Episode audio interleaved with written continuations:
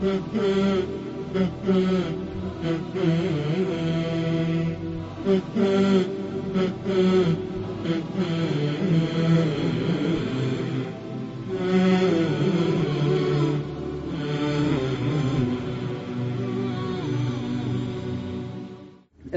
رب العالمين والصلاة والسلام على أشرف الأنبياء والمرسلين نبينا محمد وعلى آله وصحبه أجمعين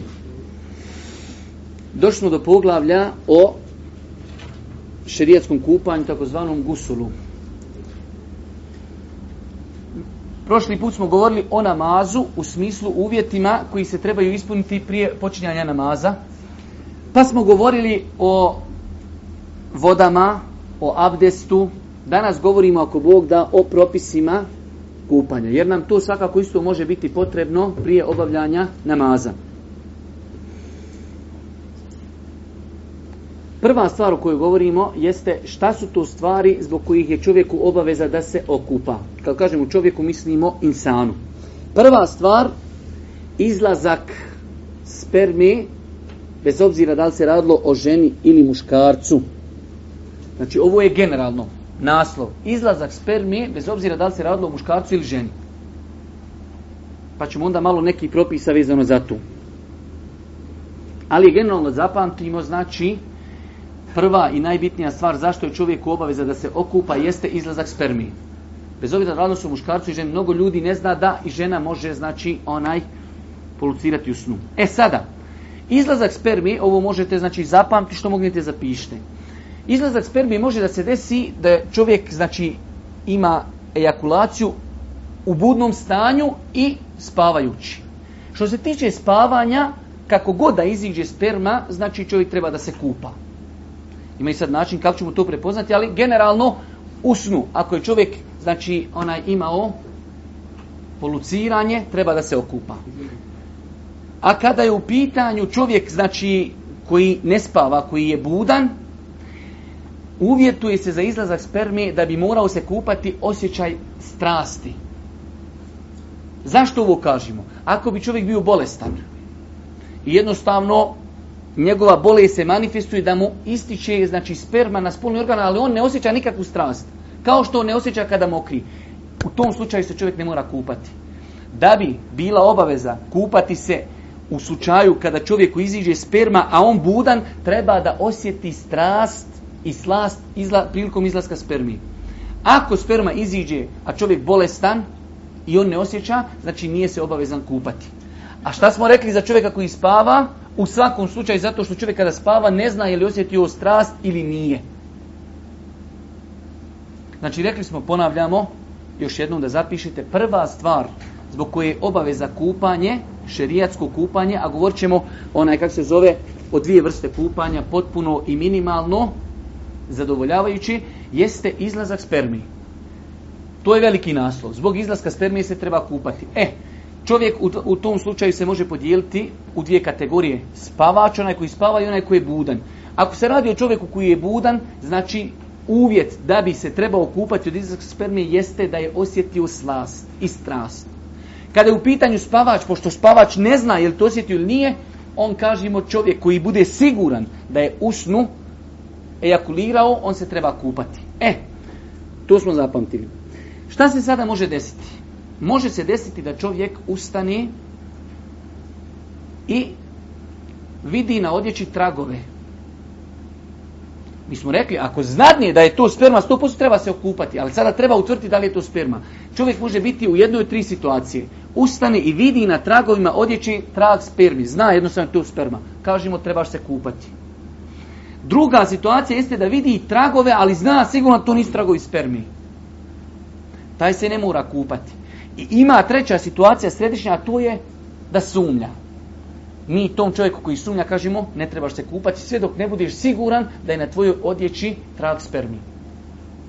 Nemojte povrkati ovo sa onim malo prije.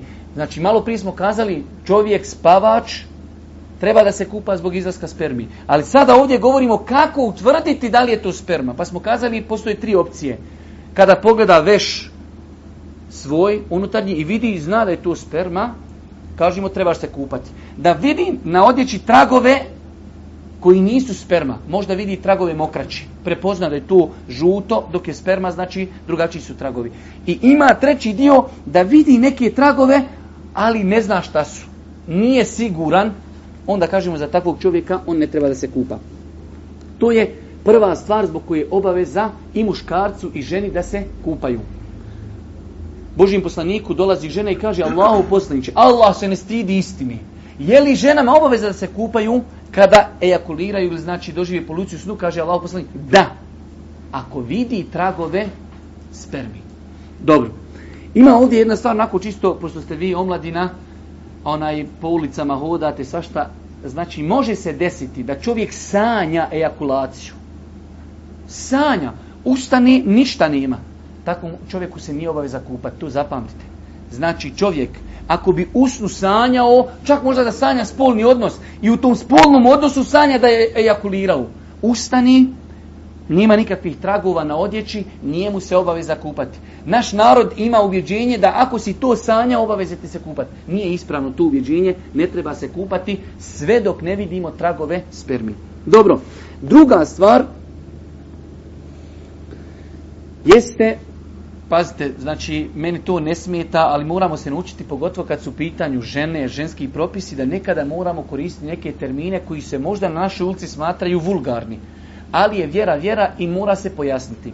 Drugi, ajde da kažemo, faktor koji će uzrokovati da se, da je se muslimanu i muslimanke obaveza kupati jeste ulazak glavića muškog spolnog organa u ženin spolni organ. Nema znači ljudi, ja volio naći kulturnije izraze, nema kulturnijih izraza. Ovo su najkulturniji koji postoje u našim riječnicima. Zaista, ja sam tražio druge kulturne izraze, ovo je najkulturniji izraz. Ulazak cijelog glavića muškog spolnog organa u ženski spolni organ. Ako se to desi, obaveza je se kupati, makar ne došlo do ejakulacije ni od strane muškarca i ženi. Znači, samo ako muški spolni organ u toj granici koju smo pojasnili, znači cijeli glavić ako uđe u, znači ženski spolni organ obaveza je se kupati bez obzira da li došlo do ejakuliranja od strane muškarca ili ženi. Ovo zašto govorimo? Ima ljudi koji kontaju ako nije došlo do ejakuliranja ne treba se kupati. Što je greška katastrofalna. Allah poslanik ali se selam kaže u vjerodostojnom hadisu kada neko od vas legne među četiri žena ekstremiteta, misli se na ruke i na noge, kaže obaveza mu je da se okupa, makar, kaže, i ne došlo do ejakuliranja. I zato kažu islamski učinjaci na osnovu drugih hadisa da je to ta klauzula, znači onog momenta kada glavić muškog spolnog organa uđe u ženski spolni organ, obaveza je se kupati, makar i ne došlo do izbacivanja sjemena ili ovaj, ne došlo do ejakuliranja od strane muškarca i ženi. To je druga stvar. Imali smo prvu stvar, spermi. Druga stvar, ova, treća stvar, ovo nije po svima, ali hajde kažemo, spominje se primanje islama. Para sahaba, iako je mnogo sahaba primilo islam, i samo dvojica ili trojica zabilježeno im Boži poslanik Ali se ratu sram naredio da se okupa. Zabilježeno. Ali u svakom slučaju, ako bi se desilo da čovjek primi islam, svakako je bolje da se okupa da se okupa, ali tvrdi da je to obaveza je malo diskutabilno, ali svakako je bolji. Znači, pa poželjno, zato kažemo, zato pošto postoji u Lemi, imaju jasni dokaz da je Boži poslanik određenim sadma kazao, idi okupaj se. Ali na taj hadis se odgovara, odnosno postaje sumnja, pa dobro, toliki ashabi su primali islam i samo dvojici ili trojici da je Boži poslanik naredio da je to bila obaveza svima Božji poslanik bi to bi toliko bilo prenešeno u više hadisa. Ali ipak hadis ta ima svoju jačinu i mi kažemo da je dobro da se čovjek koji primi islam okupa. Četvrta stvar i peta jeste prestanak hajza i nifasa. Hajz je znači menstruacija mjesečna, nifas je postporodni ciklus koji je otprilike traje 40 dana. Znači završetak mjesečnice i završetak nifasa postporodnog ciklusa kod ženi, kada se završi, govorit ćemo danas o tom poglavlju kako se on završa i kako znamo da je završio hajzi nifas, ali znači kada se završi, ženi je obaveza da se okupa. I o i nam svjedoči onaj hadis koji zabilježili kod imama Buhari i kod drugih, da je Boži poslanik kazao ashabikama, kada ti dođe mjesečnica, prestani sa namazom, kada prestani mjesečnica, okupaj se i ponovo počni klanjati. Znači gdje je rekao, okupaj se, naredbena forma. I šesta stvar, znači spomenuli smo do sad, ovo hajzi nifa se smatraju dvije stvari, tu je bila četvrta i peta, i šesta stvar jeste smrt. Smrću čovjeku postaje obaveza da bude okupan, ne može sam sebe okupat, gotovo. Znači što je se kupo, kupuje se sad ga drugi kupaju. Ali je obaveza okupati Mejita i dolaz, došli su mnogi hadisi u kojima Allah poslanik naredio onaj kupanje Mejita i kupanje Mejita, ako Bog da vidjet ćete, govorit ćemo o tome da je to fard kifaje, kolegijalna obaveza. Znači, jedna skupina muslimana mora okupati muslimana kada bi bio zakopan, a da nije okupan, svi muslimani su griješni zato što ga nisu okupali. E, tu je bilo Govorili smo znači o stvarima zbog kojih je obaveza čovjeku da, da se kupa, pa smo spomenuli ovih šest stvari. Sada govorimo o vrstama kupanja. Imamo dvije vrste kupanja šerijatskog, imamo potpuni način i imamo zadovoljavajući način ili hajde da ga nazovemo minimalni način. Ali ovaj termin malo zadovoljavajući način bolji. Znači imamo opciju da se možemo kupati da to bude po šerijatu validno, ispravno, a imamo drugu opciju da to bude savršenije i potpunije onako kako je to radio Allah poslanik ali salatu wasalam. Što se tiče ove zadovoljavajuće, pošto je ona malo jednostavnija, nju ćemo prvo spomenuti. Zadovoljavajuća opcija je, samo treba i tri stvari da budu.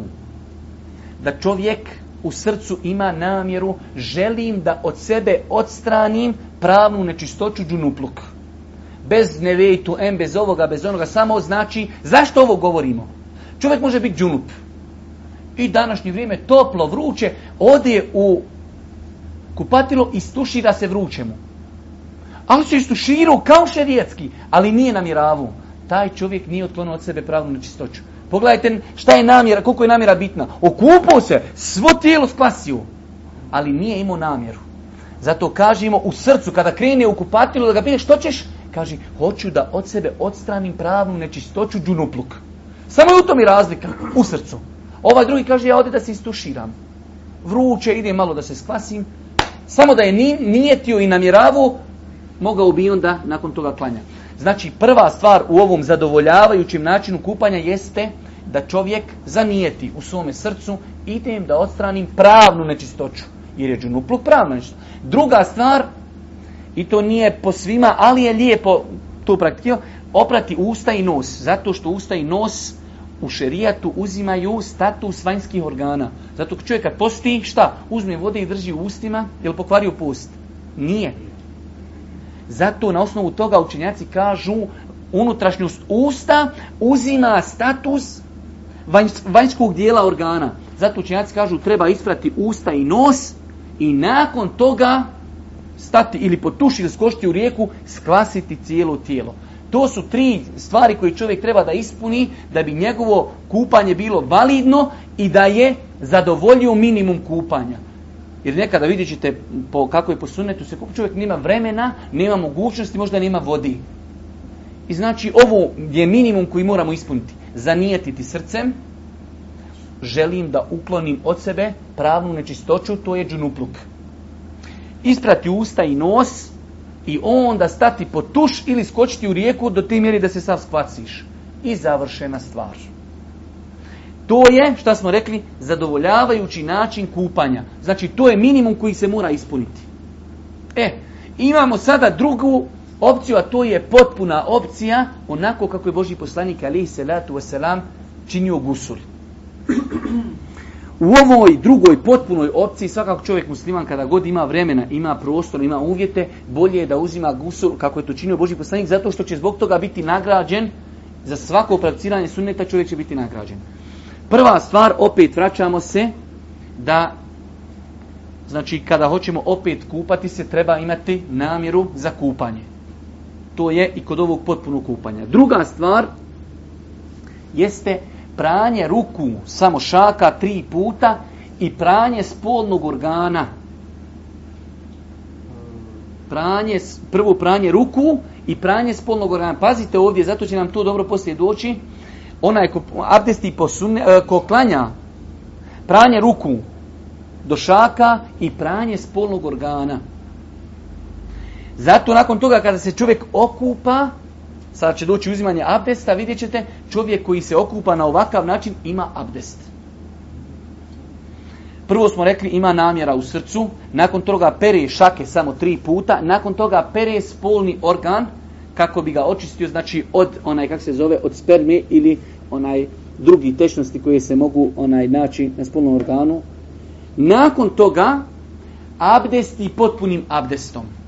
Tako je se radio Boži poslanik, tako je zabilježeno u hadisima, a iše i Mejmune radijallahu ta'ala u Buhari i Muslimu. Nakon toga bi abdestio potpunim abdestom. A ponekada, i to je sunnet, je lijepo odgoditi pranje nogu do kraja kupanja. Imamo znači dva načina. Možemo prvo, znači onaj kada govorimo već ovdje o abdestu, uzeti potpun abdest. Ono baš kao za namaz. A ima druga opcija da odgodimo samo stopala da ih ne operimo, njih da operimo na kraju onaj kupanja. Ova prva opcija je malo bolja. Nakon toga, nakon što je čovjek abdestio, uzeti vode u pregršte ili u tuš kabini gdje već to čovjek radi, skvasiti glavu. Do te mjere je da voda prođe do tjemena. Nakon toga desna strana kompletna i nakon toga lijeva strana kompletna. To je gusul kako ga je uzimao Allahu poslanik i kako je pojašnjeno u hadisima Buharije i muslima. Znači ponavljamo još jednom, idemo, znači ova druga opcija, potpuni gusul, ide prvo namjera u srcu. Želim da otklonim od sebe e, pravnu nečistoću. Ako bi se desilo čovjek odi okupati se samo zbog tuširanja, to tuširanje nije validno u smislu šerijata. Druga stvar, oprati ruke, šake, i oprati spolni organ. Nakon toga abdestiti potpunim abdestom, to je najbolje, a može se, kao što je došlo nekim hadisima, odgoditi, naročito ako bi čovjek bio negdje u pjesku, negdje znači, ajde kažemo, onaj gdje će mu se noge ostati prilikom kupanja malo, ajde kažemo, zaprljane, tada se pranje nogu može odgoditi. Nakon toga, treća stvar, onaj, opet, pazite, Malo prije, znači, došlo pranje spolnog organa i više nima diranja spolnog organa. I zato onaj ko ovako uzme gusul, ima abdest. Peri nakon toga glavu, do te mjere da voda uđe, znači, do korijena, skroz. Nakon toga pranje desni strani i nakon toga pranje lijeve strani i time je, znači, gusul završen. S tim što treba napomenuti Nigdje ne postoje dokazi da se gusul radi kao abdestunu, možemo jednom prati, dva put prati, tri put prati i miksovati. Gusul se samo jednom pere i to je to. Allahu poslanik alihi salatu wasalam abdestio bi sa muddom. Mud je pregršte. A kupao bi se sa sa'om koji se sastoji od četiri pregršta. Iako Allahu poslanik imao i dužu košcu. Ali se tako, znači, nije rasipao vodom da je se oku, znao okupati sa posudom u kojoj su stajale četiri do četiri i pol pregršta vodi. Evo, uzmeš ovako, natočiš četiri pregršta, istriješeš u posudu i satim se treba okupati. Tako se Allah poslanik ali salatu selam kupao, a abdestio bi se sa pregrštem. Znači uzmeš pregršt, i u čašu i sa tim abdestiš. Tako je abdestio Allah poslanik ali salatu selam. Znači to nam je bitno da zapamtimo za ovu tematiku. Imate ovdje samo nekoliko malih pitanja, idemo na temu što nemamo vremena, vjerujte, o ovim pitanjima su bukvalno napisane desetine i stotine stranica u knjigama Fika o gusulu i pitanjima vezanim za gusul, ali ovo su neke najbitnije. Nekada se desi, da li onome koji je oženjen ili nekome koji je znači, imao poluciranje u snu, okupa se. I nakon kupanja, zato što je požurio sa kupanjem, vidi da mu opet ističe sperma iz polnog organa. Zapamti, u takvom slučaju se nije obavezno ponovo kupati. Što je dobra stvar jer koliko puta smo ljudi to pitali, znači okupao sam se jer poznato je takav je mehanizam ljudskog tijela da naročito ako čovjek najbolji način rješavanja toga jeste da čovjek prije ovaj gusula ako može znači onaj da mokri. Znači i na taj način ako Bog da će se sačuvati od toga.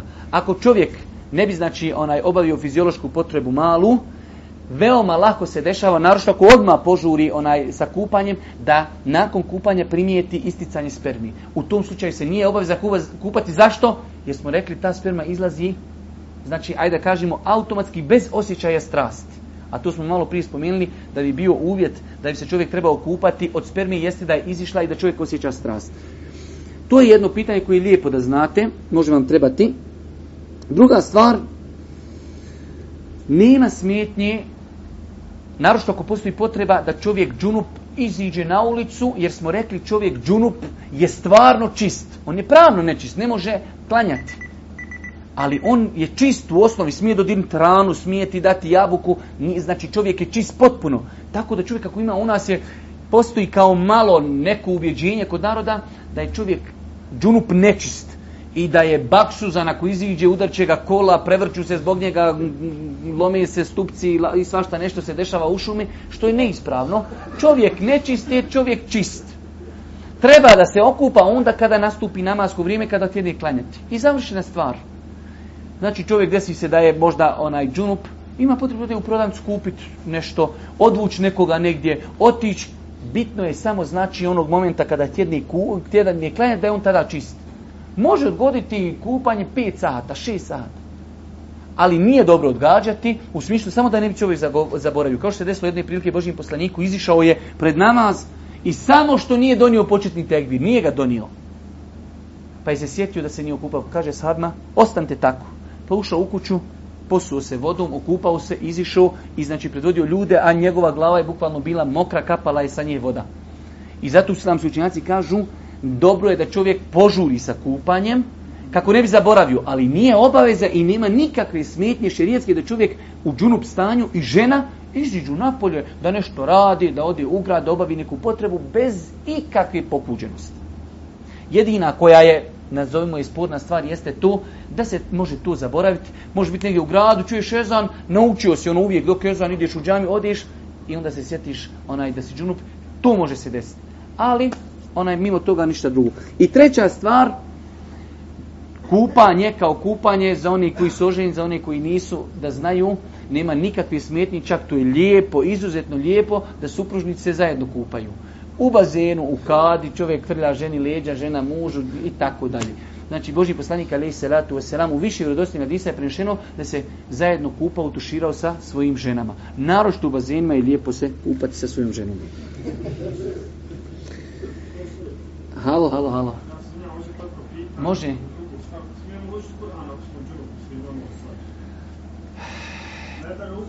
Da, da, znam ja, znam šta si pitao. Bolje je to ne raditi. Iako opet bukvalička pravna škola kaže može jer nema dokaz koji to zabranjuje. Ali imaju neki hadisi i neki drugi argumenti koji indirektno ukazuju da to ne treba. I ja sam stava da je to zaista bolje izbjegavati poštujući Kur'an a opet, gledano s aspekta dokaza, dokazi su poprilično na, na strani bukvališke pravne škole. Ali je bolje to zaista izbjegavati jer džunupluk je ipak nešto teži nego neposjedovanje abdesta.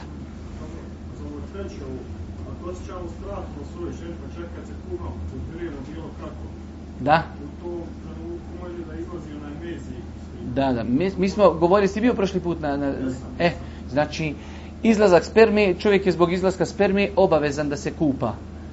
E, na bilo koji način da je došlo, čovjek znači može da se zabavlja sa svojom ženom i da ejakulira. Znači on se obavezan kupati.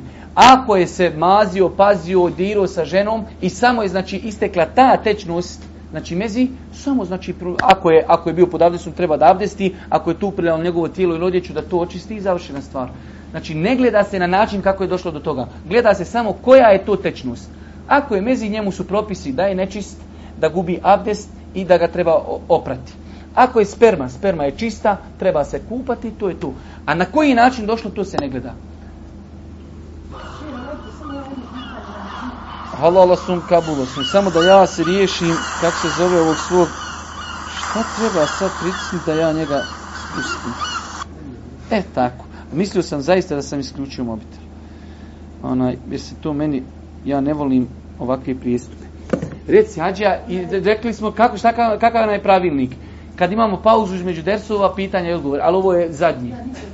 Rahmeti dedi Kad, Na primjer, uzmemo gusu i nakon uzmanja gusla izađe onaj, sperma i ne, nećemo kupanje. Nećemo kupanje, ali tada je čovjek izgubio abdest. Isticanjem sperme je izgubio abdest. Samo obnoviti abdest i slobno u džami 16 rekiata smiješ klanjati to, ok.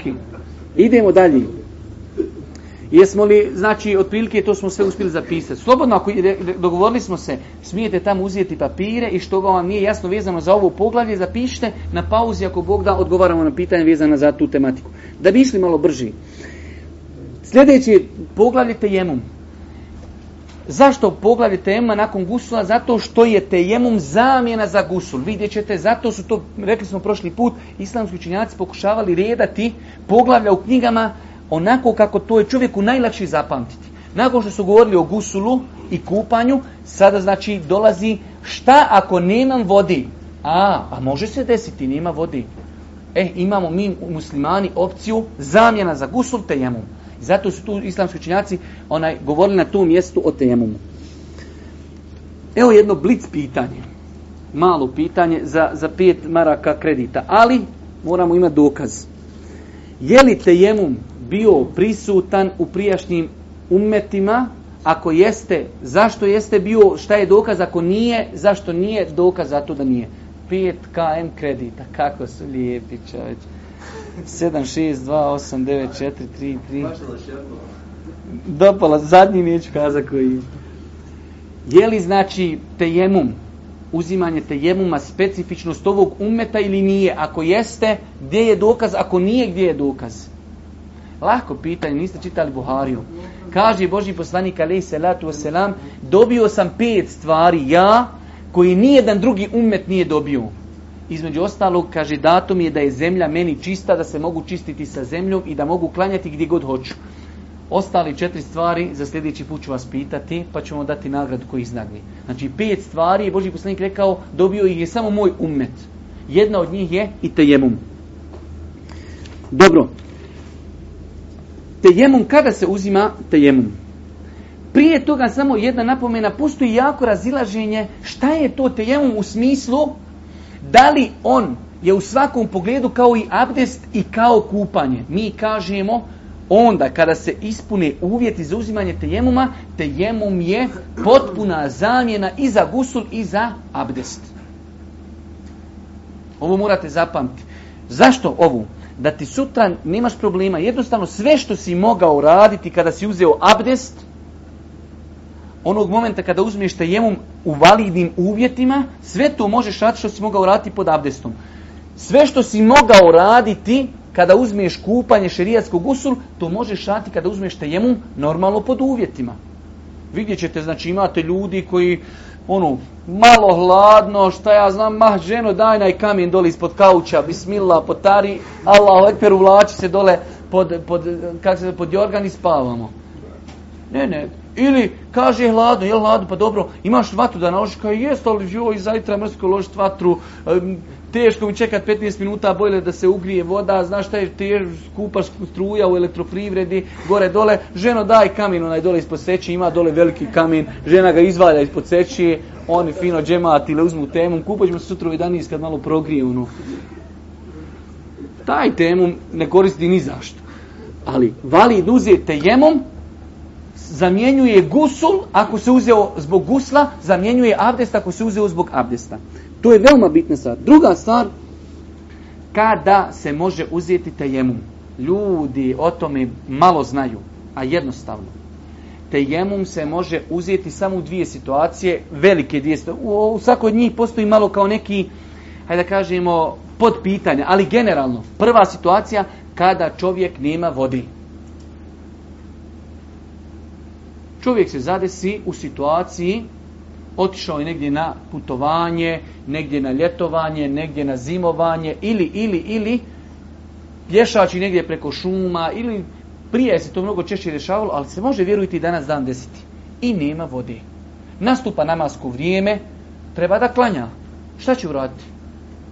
Ako preovladava mišljenje kod njega da tu u blizini nema vode, ima ljudi koji zna, zna, za 15 minuta ću pješašti, doću do tog potoka ili do tog izvora ili do te česme, znači to je nešto drugo. Ali, kaži, kod mene preovladava mišljenje, tu nema vodi. Uzmite jemom i klanjaj. Čak, ako je čovjek džunup, čak ima opcija, čovjek je sa ženom negdje otišao na ljetovanje. Nemaju vodi, noće. Kažu, ženo, šta ćemo, smijemo li išta mi raditi ili ne smijemo? Nemamo vodi, nećemo se moći kupati sutra dozvoljeno mu je da sa njom spolno opći sutra ustal na sabah, ženo imali vodi, nema, zlatni tejemum i kupa, onaj kako se zove, zamjena za kupanje i klanjaju. Njihov namaz je, validan. Tako su radili ashabi kada bi bili na putovanju. Ako nema vode i znaju da nema vode, spavali bi sa svojim suprugama, sutra bi klanjali sa, abdes, sa ovaj tejemumom. Znači, tu je prva opcija da se tejemum uzima kada nemamo vode. Allah Đelšanu kaže u Kur'anu felem teđi du ma'em Kada govori o propisima gusula i tejemma i onda kaže pa ako ne nađete vodu, onda uzmite Tejemu Što znači, prvo treba znati ima li vode i potražiti vode, nema vode, završena stvar. Druga opcija jeste da korištenje vode šteti čovjeku. Šteti njegovom zdravlju, usporit će njegovo ozdravljenje. U svim tim opcijama čovjek može uzeti tejemu. Znači imate čovjeka imao je neku operaciju na tijelu, kaže mu doktor ti ne smiješ da dodiruješ vodu. Dodirivanje vode prvo šteti tebi, tvome zdravlju ili ti usporuje ozdravljenje. Vode ima, tu je česma. Znači ova opcija je, tu je voda, ali se boji čovjek korištenja, tada kažemo uzmite jemom i klanjaj sa te jemom. To su te dvije generalne situacije, sve mimo toga mrskom se izvući ispod jorgana, malo hladno, e, nisam ugrio vode, ovo ono, znači to ne dolazi u obzir. Može doći u obzir, znači nešto kada bi zaista čovjek kaže ja sam bio negdje na planini, imam vode, ali je zima, hladno, ja nemam čime ugrijat vodu. Imam vodu, ali kada bi uzeo, znači da se okupam hladnom vodom, bojim se groznice, bojim se neke oboljenja, nahlade, mi kažemo to je u redu. Ali čovjek ima pored, ali mu malo mrsko ustati, malo natesati triješća, malo onaj naložiti vatru, uključiti šporet, ode struja, kaže daj kamen, to ne dolazi u obzir. Nakon toga od, e, šta su to temelji ili sastavni ruknovi te, tejemuma? Tejemum je zaista kao što je tako i nazvan olakšica, on je tako jednostavan za prakticirati. Kod tejemuma imamo, znači, prva stvar, namjera, nijet. Kao što smo imali i kod abdesta i kod gusula. Da, ovo jeste tejemum, ali ja nijetim tim tejemumom pravnu čistoću. Ili hoću da abdestim ili hoću da se okupam. Zamjena za kupanje, zamjena znači tejemumom možemo zamijeniti abdest možemo zamijeniti kupanje kao što smo minuli u ovoj situaciji. Znači imamo prvo namjeru, druga stvar da potarimo lice i da potarimo ruke. To je sva filozofija. Mi ćemo svakako, to su temelji njegovi, ruknovi, a mi ćemo spomenuti kakvoću. Znači nijet potrati nakon što udarimo rukama od zemlju ili od kamen, potrati lice i potrati ruke završena stvar. I zato je tako, pošto je tako temu, jednostavno zato ga tako ljudi i voli. Pa jes to lako, ba pa gruneš ruke, hop, hop, hop, eto ga, Allah kraj mu klanja. Ko će se kupati? Da, pa sad ćemo govoriti o kakvoći. Ima par pitanja gdje se Ulema razišla u pogledu kakvoći temama. Prije toga, prije kakvoći, postavlja se pitanje od šta se može uzeti tejemum. Tejemum se može uzeti od sve što je na zemlji, od zemlje, sastavni dio zemljene kugli. Šta to znači? Pjesak može od pjesak. Pećina može. Kamen može. Zemlja, prašina, znači zemlja, prevrnuta zemlja, orana zemlja, može. Znači sve što je sastavni dio zemlji. Negdje si otišao na planinu, jednostavno samo su pećine tu. Od pećinu. Negdje si u, u, u polju gdje nema pećini, zemlja, od zemlje. Znači kako neko ne bi shvatio da je to nešto vezano samo za kamen ili samo za zemlju ili samo... Ne. Ono što je na zemlji, a sastavni je dio zemlji, na to se može, ako Bog da, o to se može uzeti temu, bez obzira da li to pećina, bez obzira da li to zemlja, da li ima prašine, da li nema prašine, ako Bog da, teme validan. E, sada dolazimo do toga kakvoća tajemuma. Kratko, nećemo puno dušti. Prva stvar rekli smo, onaj nijet. To je znači, obavez, obavezna stvar. Druga stvar, udariti raširenih ruku ovako od zemlju ili od kamin. Evo samo tako. Nakon toga, ako je, ako je udario čovjek od nešto što ima prašini, znači otrijesti ruke ili puhnuti. To je, ovo su sve pohvalne stvari. Potrati lice, evo samo to, potrati lice, i potrati lijevom rukom desnu, desnom potrati lijevu. I to je to. Ovo je otprilike kakvo će. Sad ću vam spomenuti nekoliko pitanja gdje se ulema razišla. Imamo pitanje koliko udaraca za tejemum. Velik broj učenjaka kaže da su to dva udarca. Jedan udarac za lice, drugi udarac za ruke. Ali hadisi u kojima je spomenuto dva udarca su i slabi. Dok hadisi u kojima je spomenut tejemum u Buhari i Muslimu samo kaže i nema kane fike en tadribe bijedejke arda barbeten wahide. Boži poslanik kada je Amar ibn Jasir ukazao jedne prilike Amar ibn Jasir, Boži poslanik ga poslao po nekom zadatku, hadisu Buhari Muslimu, pa se u uđunupio. Ja kaže, znao sam da ima nešto što se zove tejemum, ali ne znam šta je. Ja sam mislio da je zemlja zamjena za vodu. Kaže, pa sam se ja valio po prašini nako, kaže, on kaže, na fi sa'idi Kemate te dave. Ja sam se, kaže, valjao ko što se krave i konji valjaju, da mi svugdje prašina dođe do mene. Mislio sam da tako treba. I onda sam klanju. Kad sam doživim Božijem poslaniku, došao i kažem božim poslaniku, tako bio sam na putu, nisam imao vodi, znao sam da ima nešto što zovete jemu, ali nisam znao kako se izvodi. Kaže Boži poslanik, ne, nije tako. Bilo ti je dovoljno da svojim rukama udariš zemlju i baš mu rekao, jednim udarcem. I kaže da potariš svoje lice i da potariš svoje ruke. Završena stvar. To je znači jedno pitanje. Ali, da bi neko uradio jedan udarac za glavu, jedan za ruke, nije napravio ništa, nešto, neki velik prekršaj. Ali, sunnet je ovako. Druga stvar, dokle potrati ruke? Određe broj činjaka, zato što se ruke prilikom abdesta peru, rekli smo do ovdje, pa su kazali potrati ruku do ovdje. Ne. I to znači nema jakog utemeljenja u hadisima Božijeg poslanika, ruke se potiru samo do šaka. Znači kada udarimo zemlju ili kada rukama udarimo od kamen, otresemo ruke, puhnemo ako ima prašine, potarimo lice jednom, potarimo lijevom rukom desnu, potarimo desnom lijevu do šaka i time smo završili naš tejemu.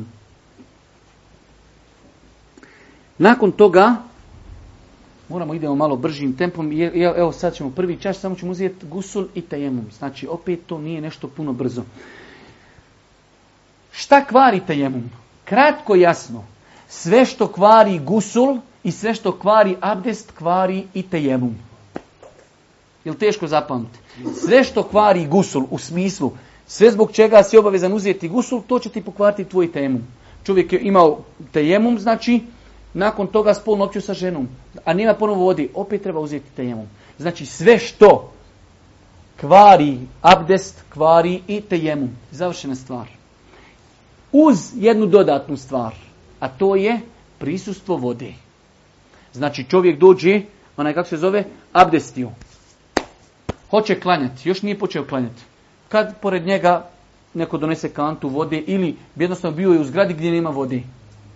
I hoće uzeti temum kad čuje voda dolazi. A on već je uzeo temum. Taj temum završen je.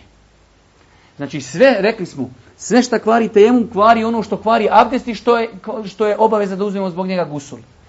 u to se sve pridodaje i dolazak vodi. Onog momenta kada nam dođe voda, znači tejemum završajmo. Opet ova opcija zadnja, osim u jednom slučaju. Osim ako smo u namazu. Čovjek dođe, hajde kažem, u šumi. Očao je negdje sa ženom na ljetovanje, u šumi su, nema vode. Tu su malo potražili, vidjeli, popijeli se neki brežuljak, vide nema vodi. Uzmu tejemom kako treba i počnu uklanjati. U toku namaza, pored njih čuju oni dođe neko, da li od rodbine, prijatelja, neki prolaznik i čuju da ima vodi.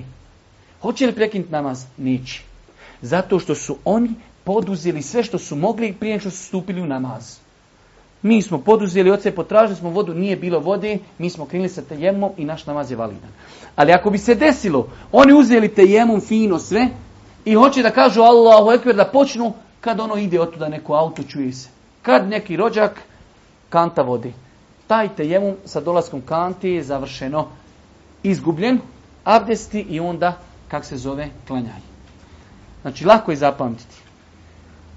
Abdest odnosno tejemum kvari sve što kvari abdest i sve što je razlogom da bude kupanje obaveza.